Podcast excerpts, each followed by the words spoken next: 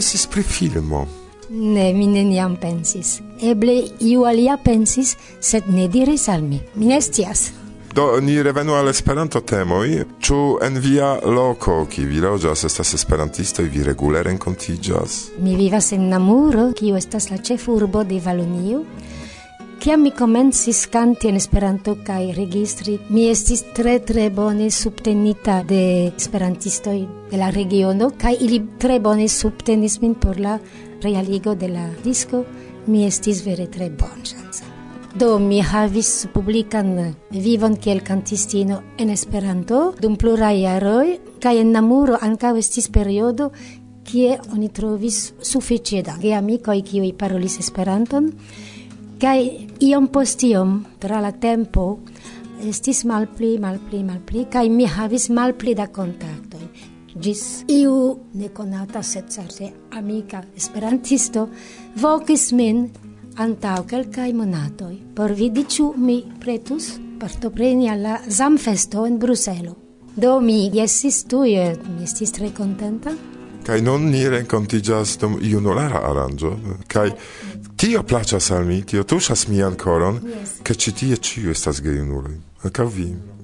Ne malhelpas al vi, kiam junuloj sidas, krias, eh, trinkas bieron. Vi aliĝas. Estas la vivo, estas la vivo mem. Ne, ne, mi vere ĝojis. Mi sentis min eĉ pli plena da vivo, da ĝojo, ĝojo, ĝojo. Por mi estas normala afero. mi bezonas senti la vivon, prescau la sangon de la vivo, qui batas en la corpo e ca Cai mi miris rigardante la i dum gaetaon, estis beli, mi diris al mia amicino Catrin, vidu, ni havas la coreografio. Ili dansis yes. tiel bele, la spettacolo estis dubla Non eh, por vi tempo che vi diru messaggio salutu homo in la tuta mondo. Mi povas diri tion kio estas en mia coro. Mi desiras al ciui che vi trovu simplan cae profundan gioion en la vivo, kie nain vi vivas. En ciui situazioi, bonai, malbonai, trovu gioion en via vivo, post la malbona vetero, ciam la suno reaperas. Vi raitas ancau eh, diri france tion, cer ne ciui conas esperanton. Mm. À vous tous, mes amis, mes proches, tous ceux qui m'ont toujours soutenu. Avec joie, avec euh, beaucoup d'idées, beaucoup d'intuition, beaucoup de talent aussi. C'est grâce à vous. Un infini merci. Je peux pas en dire plus. Sans vous, je serais pas là. Che mi povas diri ce fino de la interview. Merci. e la Valona, merci brame de comenge. Tout corps merci du fond de mon cœur et de mon âme. Merci. Sommertem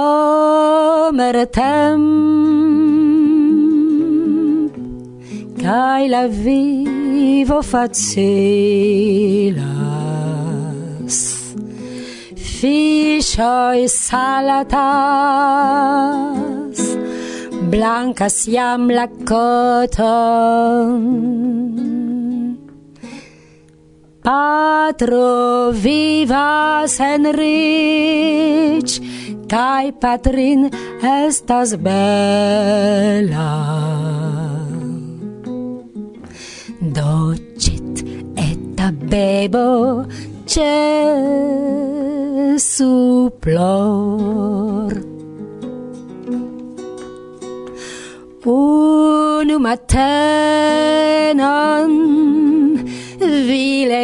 igios cantante Vian volon mastros portos gin al ciel. Gis tiu mateno malbone povos vin trafi. Carpaccio kai panio zorgas privi un matenon vi levigios cantante vian volon mastros portos gin al ciel. Gis tiu mateno malbone povos vin trafi char pacio cae panio zorgas privi.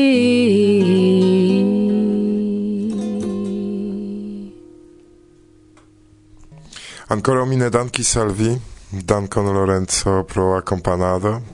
Danki gon al vi, danki gon al ciui. Ci vi desideras ion diri alla auscultante? bla bla bla forza via vento danko sebastian pro accompagnado che bella violon numado uh, danko uh, mi estas plezu al mi danko mm. verso via vento bla bla bla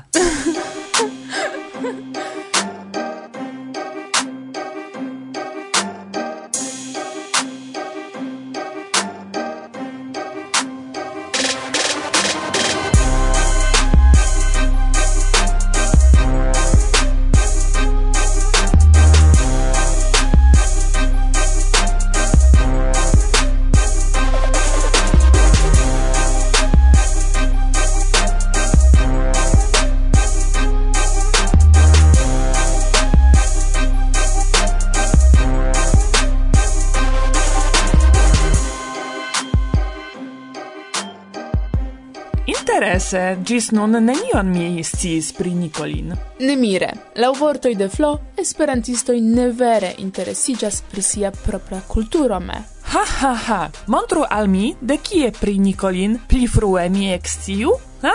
Nec en la gazetaro, nec en la esperantistai forumoj, nec en interparoloj dum la aranĝoj, eĉ mi rekomendas sekvi niajn elsendoin por ekscii pli multe. Ĝuste, Exemple exsii, kiel aspektis redaktado de kontakto preskaŭ kvindek jaroj antaŭe. Ĉu ekzistis kontakto tiam? Ne, ne ŝercu!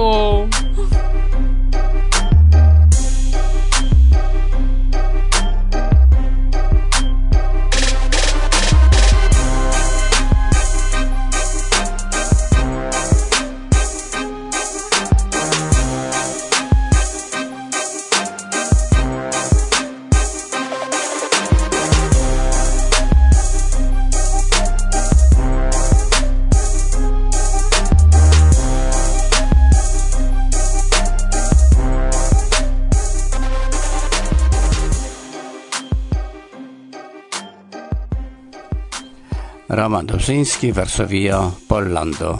Vian nomon oni povas trovi eh, sur la listo de la redaktoroj de Kontakto, ĉu vere? Jes, eh, tio estis mia epizodo en mia historio de junelara movado kai efektive la aktuala redaktoro, signoro Pavinski, petis min urze sendi miajn rememoron pri tiu periodo. Kai tiam mi consigis al mi kiel terure rapide tempo passas, char li proponis al mi verki okaze de la quindec iarigio de contacto, dum, kiam mi comencis retro calculi, montrigis, che kiam mi decidis redaktorigi, tiam contacto esis bebo quin iara.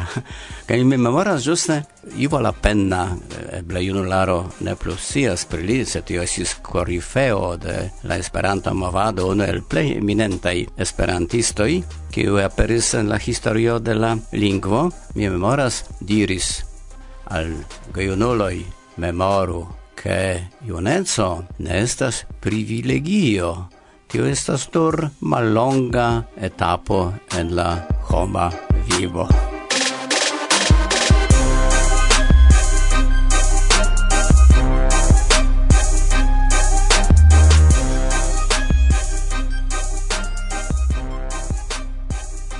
Ĉu vi memoras vian unuan kontakton kun kontakto? do kvin jarojn pli frue vi kompreneble che ti tion ci revuon de Teo creis eh, Humphrey Tonkin che estis lia unua redaktoro.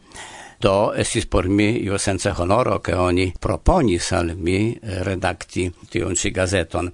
Et tio estis interesa periodo en mia vivo, char giuste samtempe mi comensis mian profesian laboron, mi pli frue studis juron, cae poste finis journalismon en la Varsovia Universitato, tamen estis problemo trovi laboron, kaj mi kelkan tempo tute ne laboris, sed eh, kiel mi racontis al vi alian foion, mi per motor biciclo voyages al Hispanio, Eh, dank al eh, la hispana esperantisto i ricevis vizon al tio lando kiu estis nekredebla surprizo kaj ĝuste rompinte du ferai kurtenoj mi sukcesis eh, veture al Hispanio kaj mi montrigis la unua pola giornalisto kiu post la milito vidis Hispanion de proksime kaj prescribis gin. kaj samtempe ĝuste oni proponis al mi redakti kontakton Eh, kio estis por mi sufiĉe malfacila, tre malfacila pro la facto che tiam nia laboro, redacta laboro, cae tuta presado, tio se poco de Gutenbergo, ne? Alia afero che mi vivis en tiel nomata comunista lando, cae redactado de la gazeto estis eh, fakte farata pere de sendajoi de simpla posto, ne? Posto do per trajnoj kutime kaj foje leteroj venis post du semajnoj aŭ foi eĉ pli longe. Se exemple mi satus eh, Brazilo, fakte tiu kontakto in existis eh, kun brasilo kun alia i forai landoi sed se mi bezonis urge iun artikolon cae atendis quelcae semainoi cae materialoj ne venis, tiam mi devis bedaurinte mem verki artikolon eh, estis strange, ke plurfoje en la sama gazeto aperis miaj articoli sub diversei pseudonimoi, eh, char tio estis problemo. Ancau mia contribuo, cio non rimarkis, estis, eh, che mi occupis pacon per fotoi. Compreble temis pri nigro blancai fotoi, kai pro tio ec mi estis criticata, che mi tro multe da fotoi presentas, dum eh, oni sparis spacon por aliaj aferoj. Eh? Ne? Ciam oni havas iun koncepton propran, ĉu ne? Vi venas, rigardas kion faris antaŭuloj kaj diras, nu, mm, eble mi iomete pli modernigos la revuon. Ĉu vi ŝanĝis ion en kontakto? Eh, do, vi, vi uzas kriterion de la nuntempo, ne? Pri tiaj aferoj ni tiam tute ne pensis, eh, kiel aspekto la gazeto oni havis iujn primitivajn rimedojn, kiujn oni povis uzi. Sed eh, interesa estis eh, laŭ la enhava vidpunkto. Esis tre interesa tempo. Esis la tempo de la ribelemo de gejunuloj en eh, tuta Europo. Tio esis la sesdeka jaroj Poste venis iu printempo de junularo, ses de coca iaro, kai mi ancau estis atestanto de grandegai shangioi, shangioi, mi diru, en la mod concepto de la junularo rilate al la politica i aferoi kai la tiu vid punkto ankau teo kai esperantista junularo esis eh, videble aparta grupo. Mi anca valdonu ke en tiu tempo ekzemple en Pollando junulara organizazo Pola Esperanto Junularo estis fakte pli aktiva kaj pli granda ol Pola Esperanto Asocio. Do ni havis ĉiuj tiun sintenon de ribelanto, ni volis tion ŝanĝi. Kaj efektive mi memoras mian lastan numeron de kontakto, kiu estis ligita kun tiel nomata rezolucio de Tireseux temis pri eh, la internacia junulara congresso en la sveda urbo Tirese, kio okazis en eh, augusto 1969. Kai mi memoras, ke mi utiligis eh, mi citis ec Humphrey Tonkin, kiu estis tiam elektita nova prezidanto de TEO. Perpenso che mi citu fragmenton de lia messaggio tiama. La landa seccio de teo sin esprimu por la monda pazzo au socia justezo ca ili ehu ca gvidu la aspiroin de sia nazia unularo an stato farigi administrai nuloi, sen potenzo, sen celoi, ca sen membroi. La junularo trovu sian forton en la disputado, ca gi trovos sian felicion en la batalo por la inda celo. Ne? Do tio estas eh, bombastai declaroi, kion compreneble oni traktis seriose. Sed mi aldonu, che in tiu tempo mi esigis al esperantistino, cetere al germana esperantistino, kai laula conata sentenzo de Julio Baghi, Giura Baghi, eminenta eh, cungara poeto, quiu sian unu faman poemon finis per la vortoi edzino fino Ne? Do, ce mi tiu onidiro ne estis vera, char Esperanto plu existis en nia familio. Ni parolis nur en Esperanto heime. Ne?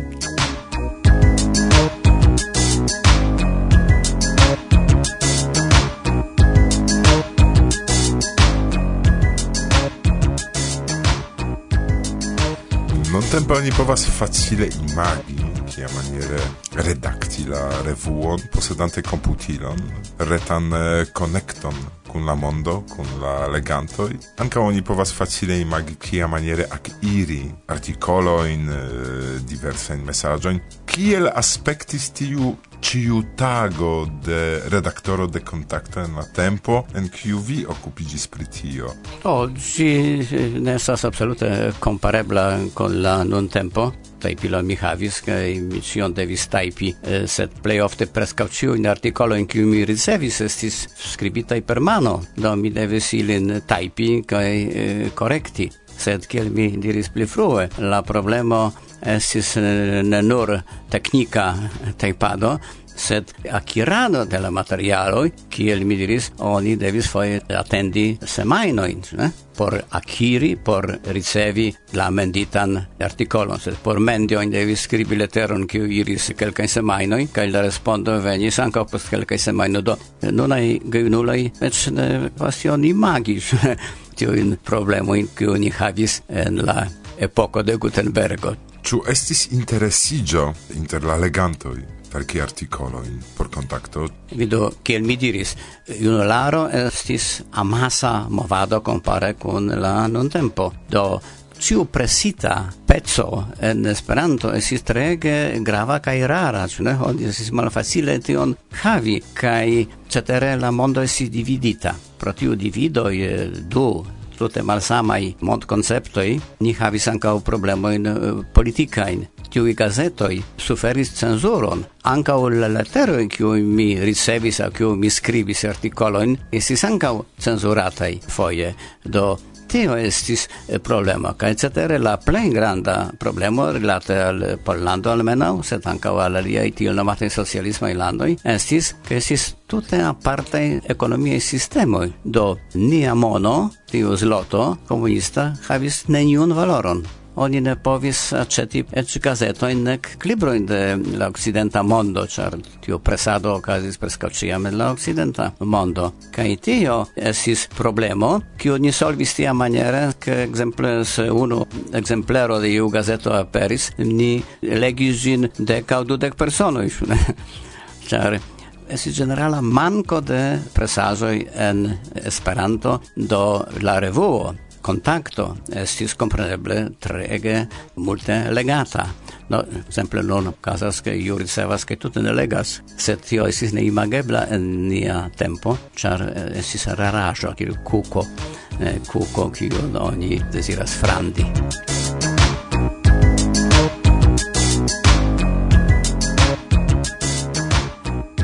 Ĉu vi memoras iujn sukcesajn, malsukcesajn aŭ dolĉaj, maldolĉaj momentoj dum tiu ĉi periodo de redaktado? Eh, to eh, ne, la facto mem redakti gazeton por l'exterlandanoi kai kiu estis presata en exterlando kai kiu havis legantojn en eh, pluraj landoj estis en si mem trege interesa kai mi faris tion kompreneble kun eh, granda entuziasmo. Sed vidu oni ne vidis tion kiun obstakloj, ĉar la nuna vidpunkto mi vidas multajn barojn kiujn mi devis transalti, sed en tiu epoko tio estis normala. Estis tute normala, ke se mi sendas leteron, tiu letero atingas mian adresaton post kelkaj semajnoj. Do tio estis normala afero kaj ĉiukaze mi rememoras eh, kun plezuro tion eh, laboron kai bala mi farigis eh, ankaŭ vicprezidanto de Teo, kiam mi ne plu jam redaktis eh, la gazeton. Sed venis momento, kiam naskiĝis mia infanoj, la familia vivo farigis tre grava, kaj krome mi transiris al la laboro en la pola televido, kaj tio estis tiel absorba laboro, ne? ke mi por kelka tempo fakte tute forlasis Esperanto movadon, sed ne Esperanton, char mi profitis la facton ke mi eh, estas interne en la televido kaj mi povis juste per diverse trukoj paroli montri Esperanton jam por la publiko kiu jam kalkulis milionoj ne da spektantoj Roman eh, pro laboro homo evoluas ĉu vi taxas kontakton kiel periodon de via vivo ke vi iom lernis, pli ricigis eh, pro tiu ci tasko? Yes, mem kompreneble mi ciam clopodis labori tiel, che mi samtempe lernis. Do tio esis tiam, ca esas ankaŭ ĝis nun. Cio mia laboro, giornalisma laboro, estis eh, por mi pli profundigo de mia scio ca pli vastigo de miei horizontoi kiam mi komencis labori in televido kaj veturis multe tra la mondo, eh, mi neniam limigis min alla concreta celo, exemple politica. Ofte mi laboris en eh, redakcio kiu okupiĝis pri politikaj aferoj, mi okupiĝis ĉefe pri Latina Ameriko. Eh, sed bone mi plenumis la taskon, kio estis pure politika. Sed samtempe mi profitis eh, la okazon che mi estas giuste in Argentino, aŭ mi estas in Brasilo, che mi tuj plivastigas mian kampon de laboro al diversaj aferoj che speciale al diversaj kulturaj temoi. Ĉu vi plu legas kontakton? No, ne, kontakton mi legas de tempo al tempo. Fakte kiam oni invitas min verki, to konstante ne vidu mi abonas kelkajn gazetojn nur por tia maniere kontribui al ilia ekzisto, ne? Ekzemple mi apogas kaj legas la ondo de Esperanto, ĉar mi konsideras ke tio estas eh, valora gazeto kaj cetere mi admiras la redaktorojn, la familion Korzenkov, kiu decidis fari el Esperanto sian fundamentan bazon de sia ciutaga vivo, ne? Do tio estis granda defio, kaj ili sukcesas, kaj mi konsideras, ke oni devas tion aprezi kaj helpi al ili almenaŭ per abonado de la gazeto.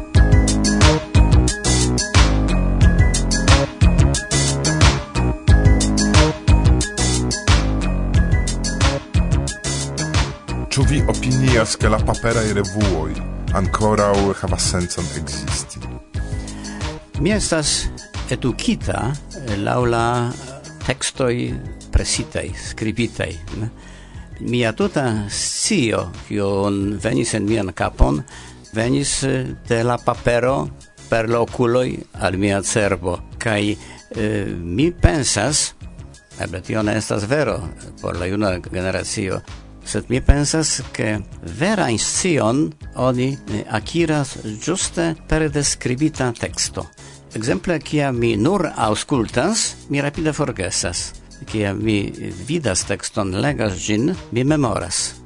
Sed tio eh, eble ne estas iu regulo por la nun tempo, char nun oni fakte ankaŭ eh, rigardas, vidas, sed vidas eh, nur pecetoin ancau eh, se oni legas en interreto shainas al mi che la scio de interreto estas ne apogita sur iu sistemo la cerbo de una homo estas nur atacata de amasoi da miloi da miloi informoi qui farizas uno granda mixajo kai por rememorion por havi scion oni devas eh, apogi la facto sur iu sistemo ne? kai se oni tute eh, sendependai pezoi da informo metas en la capon oni havas pri la mia opinio nur grandan kaoson en la capo.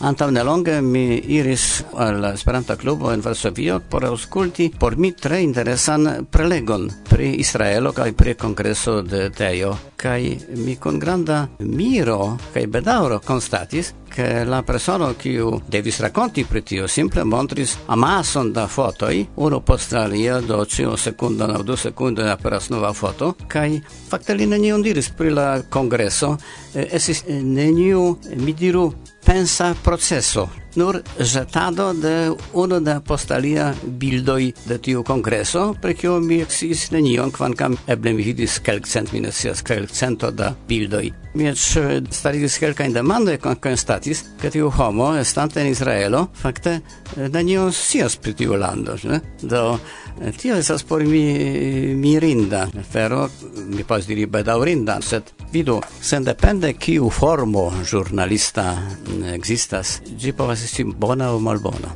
Ne gravas kiu formo, mi praktikis multajn ĵurnalismajn formojn en la televido, en la gazeto, en libroj kaj tiel plu, kaj mi eh, konstatas, ke ĉion kion oni faras, oni devas fari tiel, ke tiu teksto estu legata, ke la filmo estu rigardata. Do, mundante la filmoin, mi ciam imagis min kiel spectanto. Do, mi volis fari tia maniere, ke mi mem deziro tion rigardis, ne?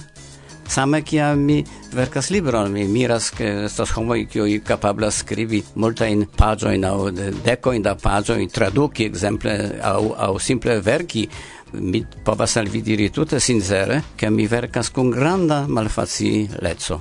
Tio estas proceso de malpeza laboro por krei verki paĝojn kiu estas legindai flue legeblai oni bezonas eh, meti multe da peno.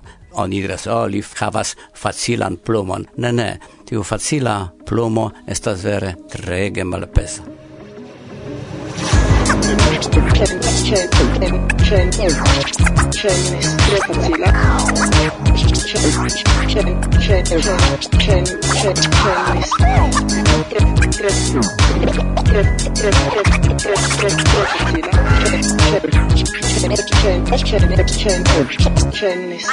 kendisiyle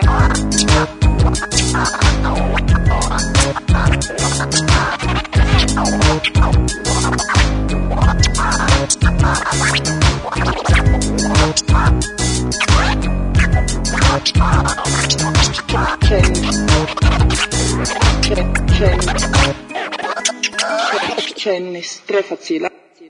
Do, nun vi raitas saluti legantoin de contacto unuavice, cae post auscultantoi de Varsovia Vento. Ne salutas, no ciu case mi recomendas al vi legi contacton, char, kiel mi diris, per legado oni akiras scion. Do Dobone kemine estas profesia ĵurnalisto, ĉar homoj nevere rajtas min kritiki, ĉar mi estas amatoro. Dankon Roman pro interparolo. Do no, jes dankon mi salutas vin.